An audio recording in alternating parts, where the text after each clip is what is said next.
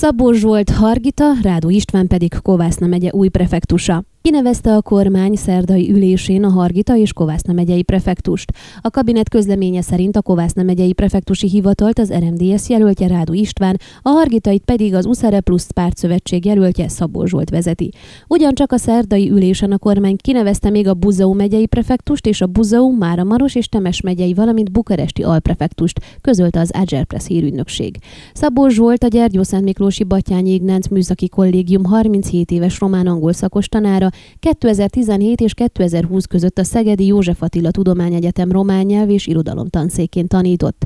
A tavalyi önkormányzati választásokon az Uszere Plusz pártszövetség színeiben polgármester jelöltként indult Gyergyó Szent Miklóson.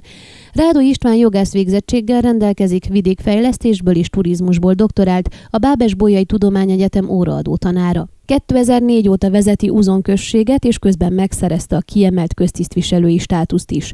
Kovászna megye új prefektusa kinevezésével kapcsolatban Facebook oldalán úgy fogalmazott, Uzon község polgármestereként közel 17 év kitartó és következetes önkormányzati munka után az RMDS háromszéki területi szervezetének a felkérésére, illetve javaslatára Uzon község és a megye lakosságának érdekében elvállaltam Kovászna megye prefektusi tisztségére való jelölést.